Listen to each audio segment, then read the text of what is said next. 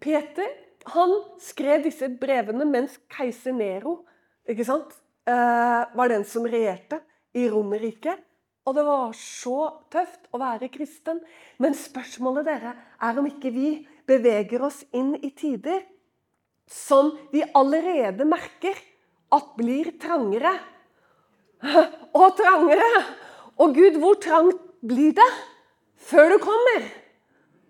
Og da er det for menigheten et valg. Altså, vi står foran et valg. Samme valget som menighetene i Det nye testamentet sto i hele tiden. For alle bøkene i Det nye testamentet er skrevet under trengsel, under vanskelige forhold. Og de var i dette valget Hør nå. Mellom å tilpasse seg eller å bli stående.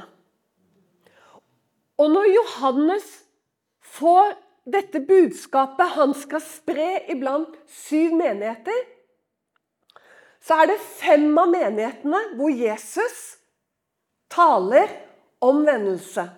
Altså et overlegent flertall. Faktisk nesten, eller faktisk nesten, absolutt, så kan vi si to tredjedeler, hva?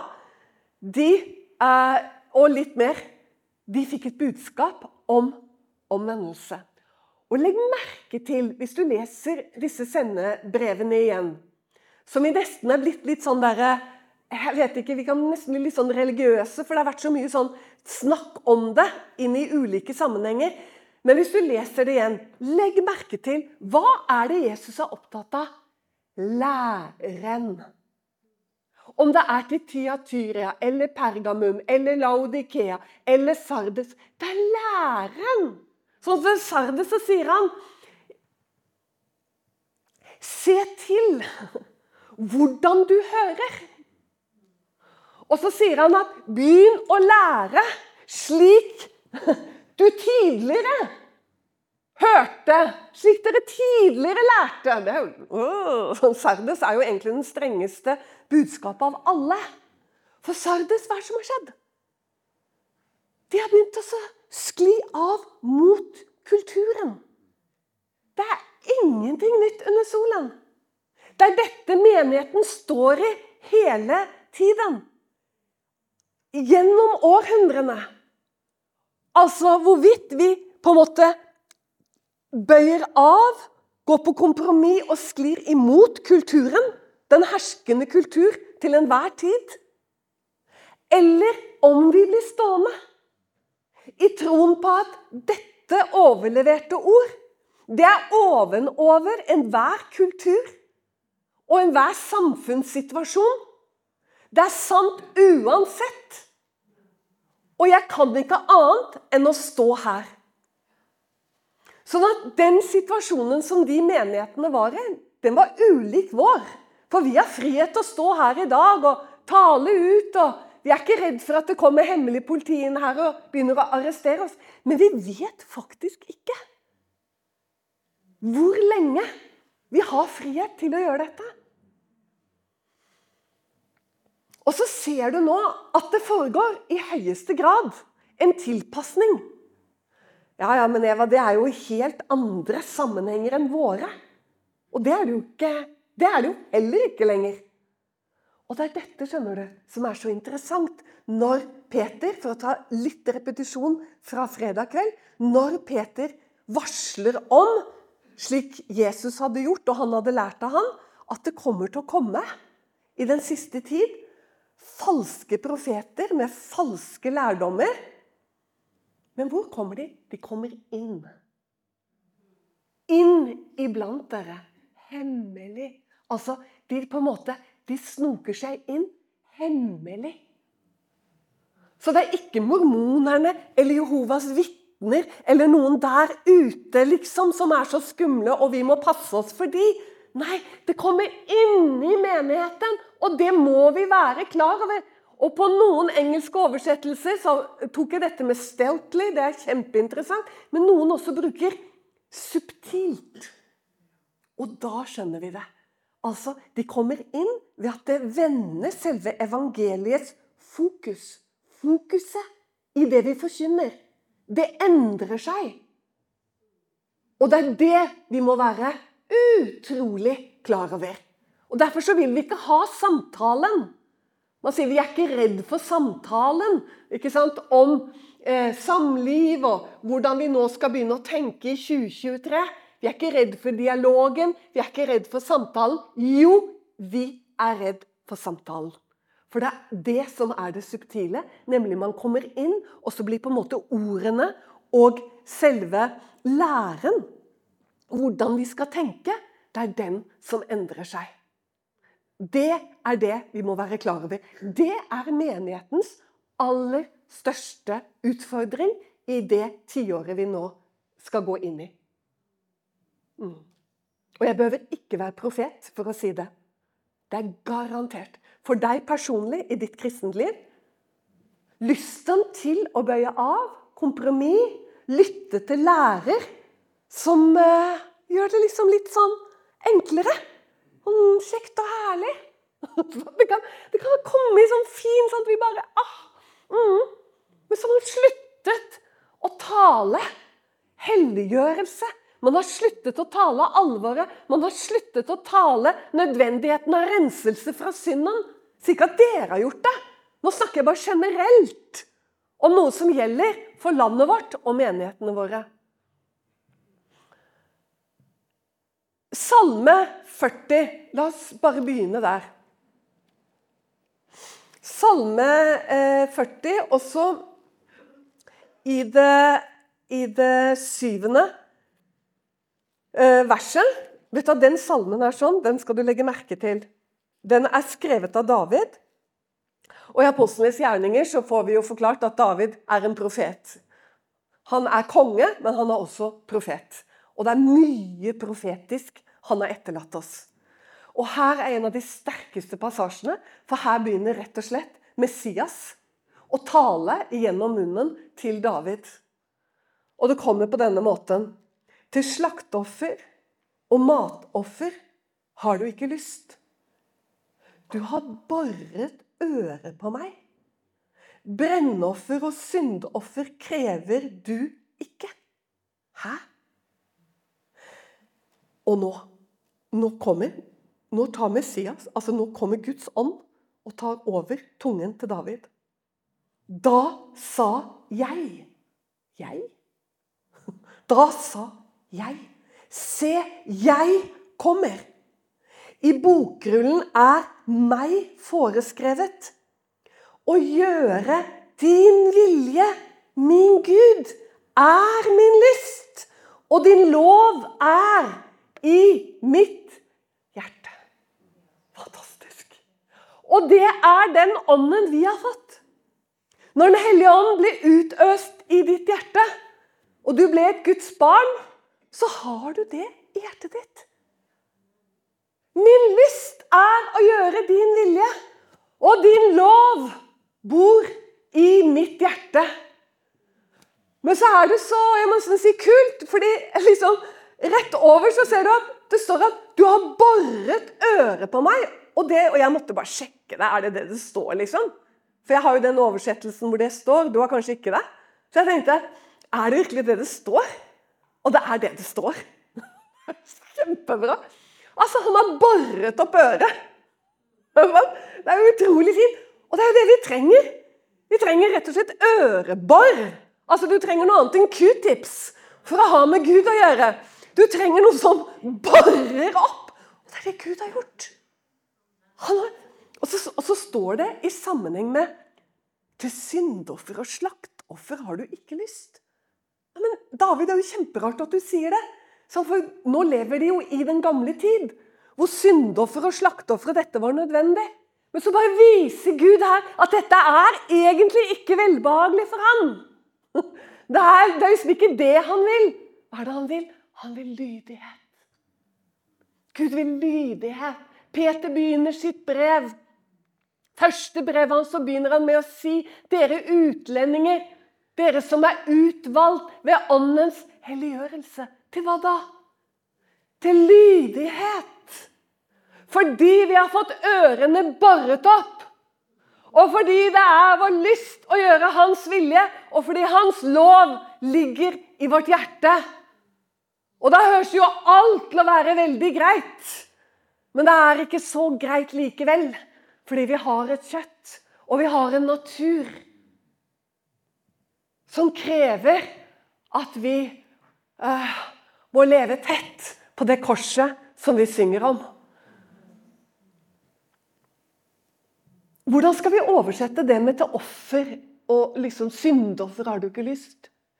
For det, er enda, liksom, det er enda mer spennende enn at det er aktuelt som gammeltestamentlig. For det er faktisk også sånn at det er veldig nærliggende for oss som mennesker å ofre. Det er veldig nærliggende for oss å tjene Gud med offer.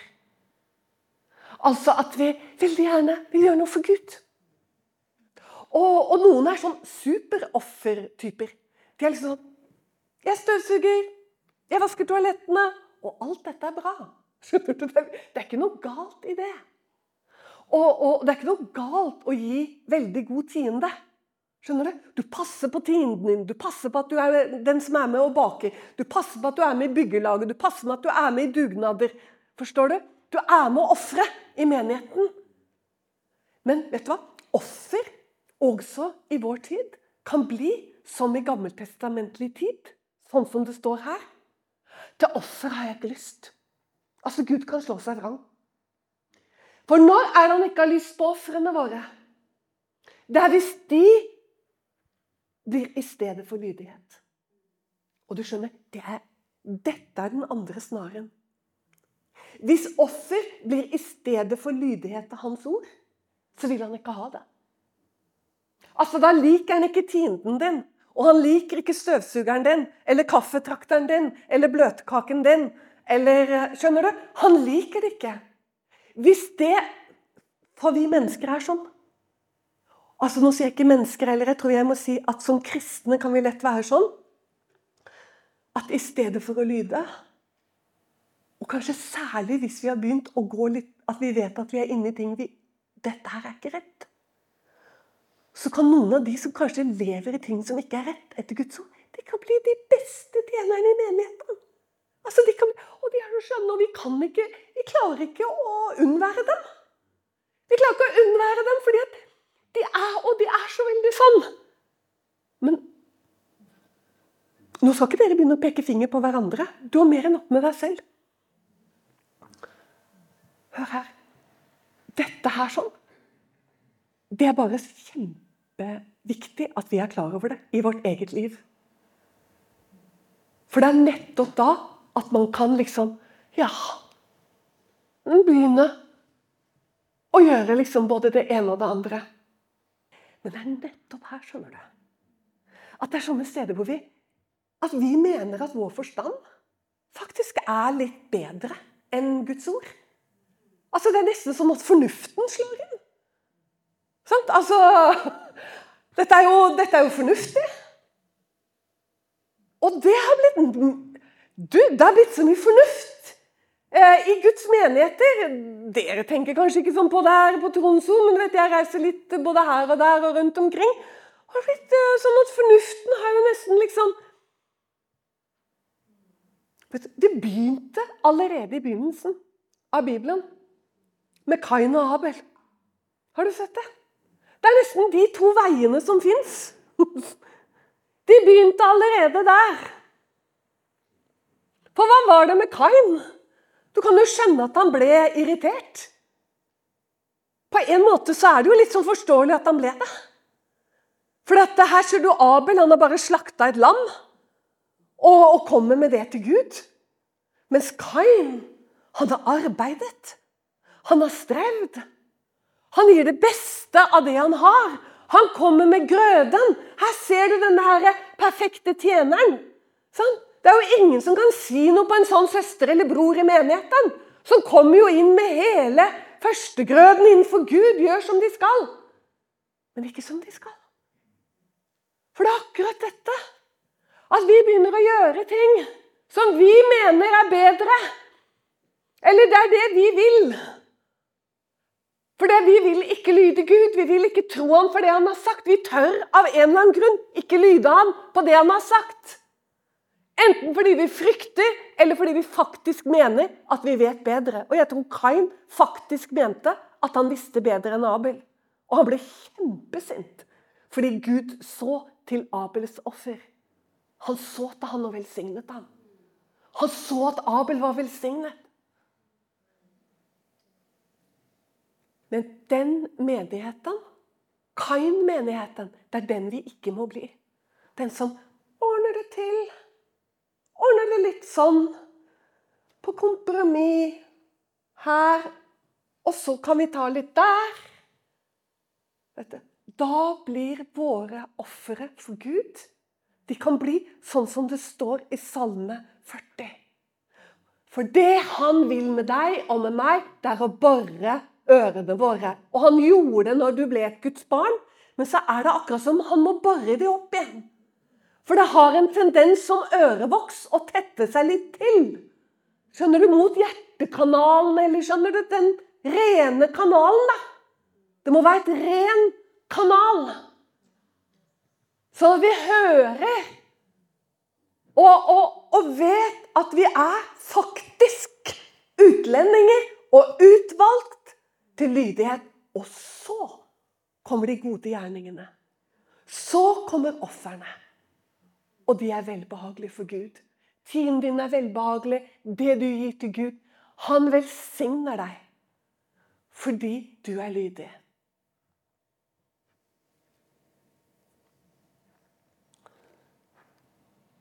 Filipperne. Brevet til filipperne, første kapittel. Jeg kan det utenat, det som står der. Jeg tror det er 29. verset. Og det er bare så bra at Paulus sier dette på denne måten. Dere har ikke bare fått nåde til å tro på ham. Sant?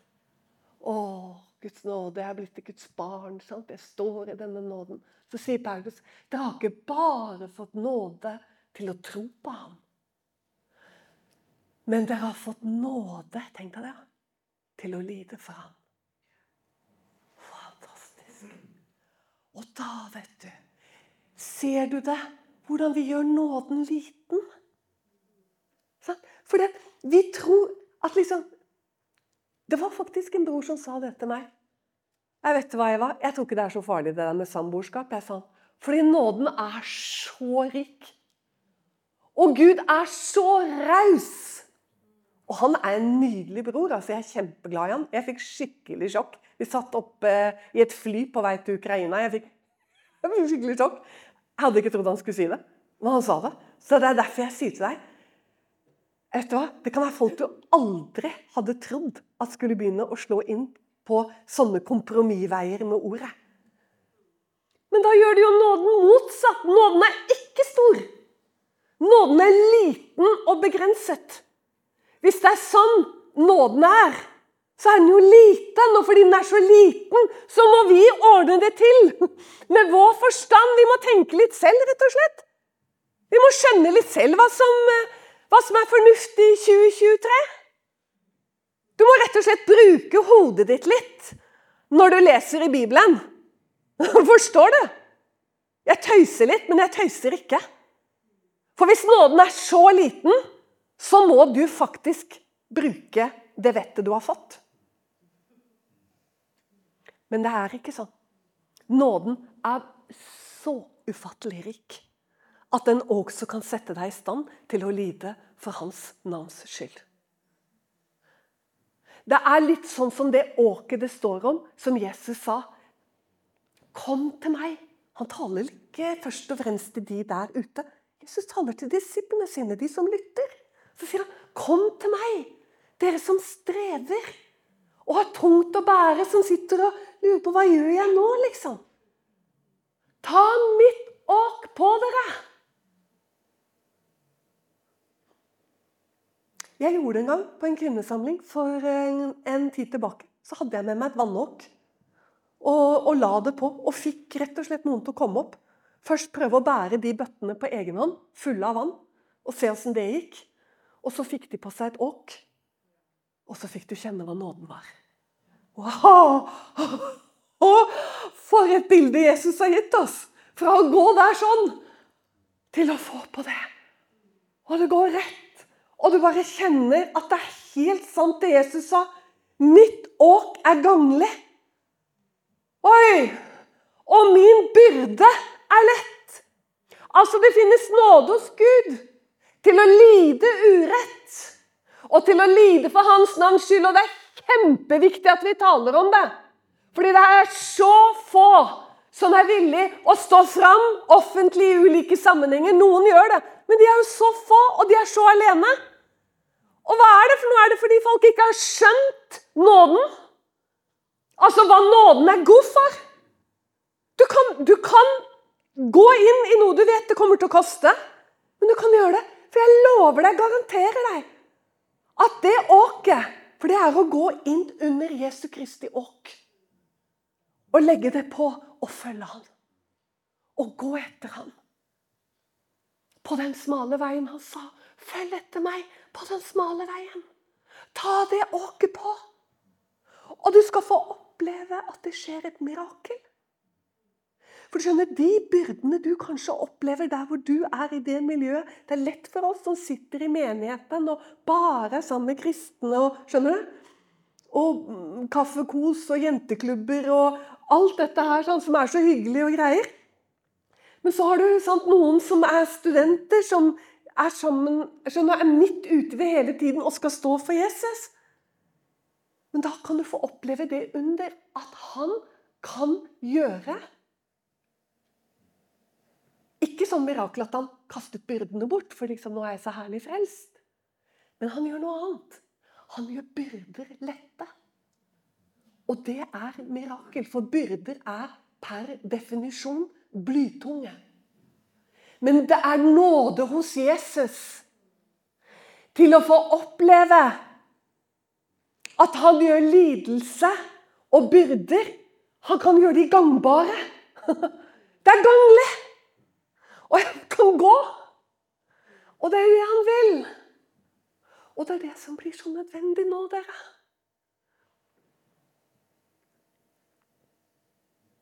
Kjenner du det? Det er helt nødvendig. At vi lærer oss nå, før det er blitt for mørkt. For hvis du ikke kan stå nå, hvordan skal du stå om ti år, tror du? Hvis du ikke tør å stå for Guds ord Nei, jeg Nei!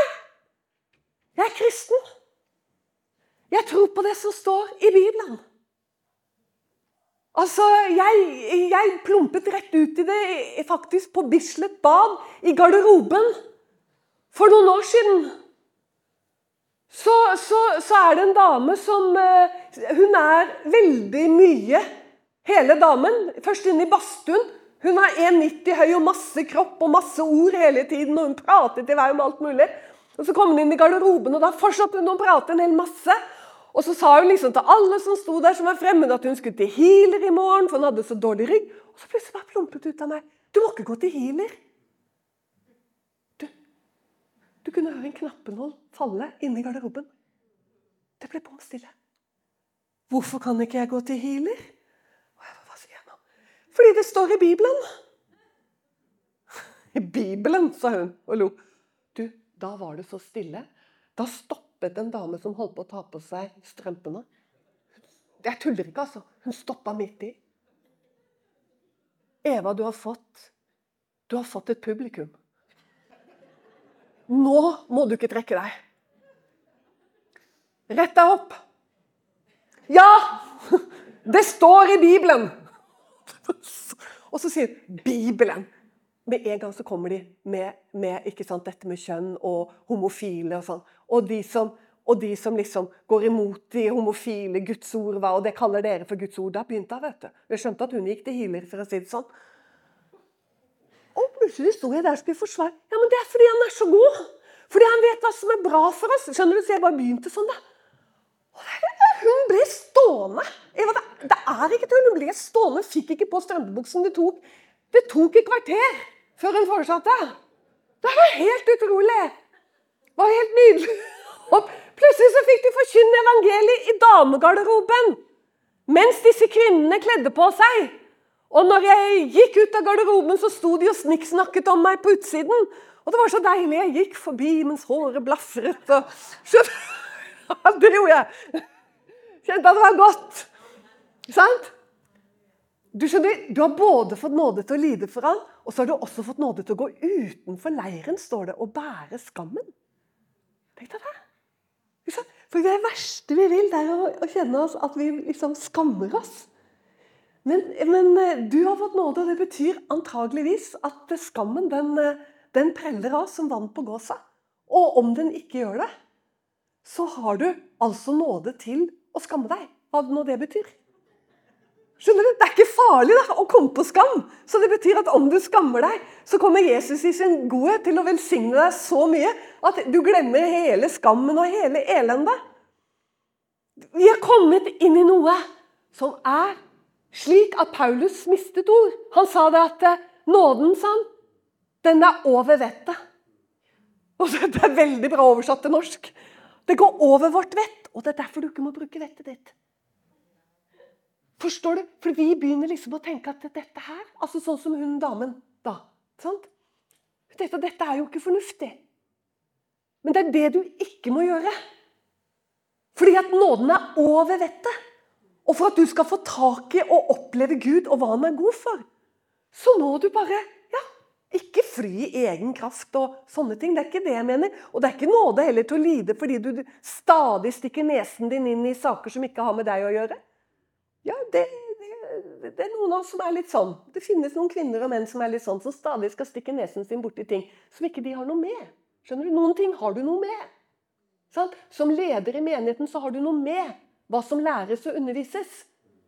Men eh, noen ganger så stikker vi nesen vår borti ting vi ikke har noe med, eller vi går og snakker om folk, og så havner vi i problemer. Det er, det er liksom ikke det det er snakk om nåde til å lide for dine egne dumheter. Ja, det er det sikkert òg, for han er så god, så han, eh, han hjelper deg ut av dumhetene dine òg. Han har hjulpet meg ut av mange dumheter. Jeg kan være litt sånn som stikker nesen min borti ting. Skjønner du? Liksom Gå og fortelle naboer hva de burde gjøre. Nei, nei, jeg gjør ikke det mye, altså. Men det kan skje at jeg gjør sånne ting. Det er helt sant, for jeg er litt sånn, sånn mener mye, da. Men da kommer mannen min og sier til meg Eva, sier han nå. Nå roer vi oss ned litt. Nei, nei, jeg bare tuller. Jeg er ikke sånn. Så, Så nå, liksom, nå, drar jeg det litt langt for at du skal kanskje kjenne igjen deg selv litt på dine aller verste stunder. Så, men altså, dette her, Han er jo så god, så han, henter, han, han gir oss hjelp i sånne ting òg. Men det er ikke det han mener. Det han mener, det er når du er lydig mot ordet. For det er jo det troen er. Troen er lydig mot ordet. Det er det vi sier når vi tror på Jesus. Så tror vi på Guds ord. For han er Guds ord. Sånn? Så det er jo det. Det er nåde til å lide, og der er det masser av nåde til å lide. Altså, helt enorm! Begynn å prøve! Sånn? Begynn å prøve! Det er, det er helt utrolig. Og så, dere, til slutt eh, Første Peters brev, fjerde kapittel. Så, så står det noe som eh, jeg syns at eh, Eh, kan få lov å være med mot avslutning her. Og, og, det kommer på denne måten her. For ingen av dere det var det jeg sa, må lide som morder. Altså det, altså det tror jeg ikke det er så stor fare for. Eller tyv. Det kan man kanskje hvis du, Tyv kan man kanskje være. Men ugjerningsmenn Her kommer det. Eller en som blander seg i andre saker. Ser du det, du? Det kaller jeg å være i ledelsen. Jeg var ikke klar over at det Var ikke det fint? Det er kanskje noen her som trengte det i dag. Som driver og blander seg i andre saker. Men lider han som kristen, da skal han ikke skamme seg. Hører du? Altså når noen ikke vil være sammen med deg lenger fordi du faktisk mener det. I kjærlighet. Skjønner du? Vi skal jo være sannheten tro i kjærlighet. Men dere, noen ganger så blir vi så opptatt av hva vi mener er kjærlighet, at vi glemmer å være sannheten tro. Legg merke til den. For det er nå tiden da dommen skal begynne med Guds hus. Men begynner den med oss, hva blir da enden for dem som ikke vil tro Guds evangelium? Og blir den rettferdige vanskelig frelst? hvor skal det da bli av med den ugudelige og synderen? Derfor skal òg de som etter Guds vilje må lide, overgi sine sjeler til den trofaste skaper idet han gjør det gode. Peter, hva er det du sier? De som etter Guds vilje må lide. Hvem er de, da? Det er oss! Det er oss! Paulus han sier i Romerbrevet at i samme mål som vi har fått del i lidelsen, skal vi få del i herligheten. De som må lide, hvem er de? Det er oss som må lide. Jeg var slutt da, jo. Skal vi liksom gå inn for å lide? Nei! Men jeg skal si deg at hvis Guds menighet i Norge begynner å forkynne evangeliet i troskap og sannhet Jeg skal si at det kommer til å bli forfølgelse i Norge, og det er det allerede. Mange unge i dag gjemmer at de er kristne på ulike De er ikke på noen plattformer med det, fordi da vet de at de ikke får jobb. Og det er sant. De kommer til å få problemer med å få jobb. Dette har det gjort undersøkelser på av laget, og sånn og sånn. Så derfor, dere Derfor det er helt sant at vi må lide. Du må lide. Hør du hva jeg sier? Du som er, dere som er yngre her òg. Dere må lide. Det er like godt at noen sier det med en gang. Du må lide for Jesus sin skyld. Men du skjønner, det er nåde til å lide for ham. Du må bli trygg i Gud. Lære han å kjenne så skjønt at du tør. Sant? Ja, rett og slett. Det er det han sier. De som må lide, det er oss. Var det ikke deilig at det ble sagt høyt? For vi sier det jo aldri. Vi sier alt mulig annet. Og så står det så ufattelig mye om det i Det nye testamentet. For alle de måtte lide. Og derfor sitter vi her i dag, fordi de var villige å betale prisen. Og skal vi nå den verden utenfor, så må Det er ikke noen som skal gå ut. Liksom, de som må lide. De det, sant? Forkynneren og evangelisten og sånn som må lide. Jeg må ikke lide. Jo, du må lide. Du må lide i det å være lydig mot Guds ord. Det kan føre deg inn i ting i familien din, i ekteskapet ditt, inn, i, inn, inn på jobben din, i ulike sammenhenger, hvor du blir avvist, tilsidesatt. Og da, dere, da er det at du får oppleve at den nåden, den går over vett og forstand. Og så har du søsken og menighet som er med deg, støtter deg og står sammen med deg må Gud bevare menigheten. Sånn at det ikke blir en viss prosent. Hva? Nå snakker jeg menigheten i stor sammenheng. Som går den veien, mens de andre velger å gå kompromissets vei. Men da risikerer de å bli som Kain, forfølgere av Guds trofaste menighet. Amen. Herre Jesus, vi takker deg for ditt vidunderlige ord, som er ja og amen, alle dine løfter har fått sitt ja og sitt amen i Kristus Jesus. Vi takker deg, Herre, som vi, deg som vi priser og lovsiger. Nå... Stå med oss økonomisk og i bønn. Du finner oss på utentvil.com.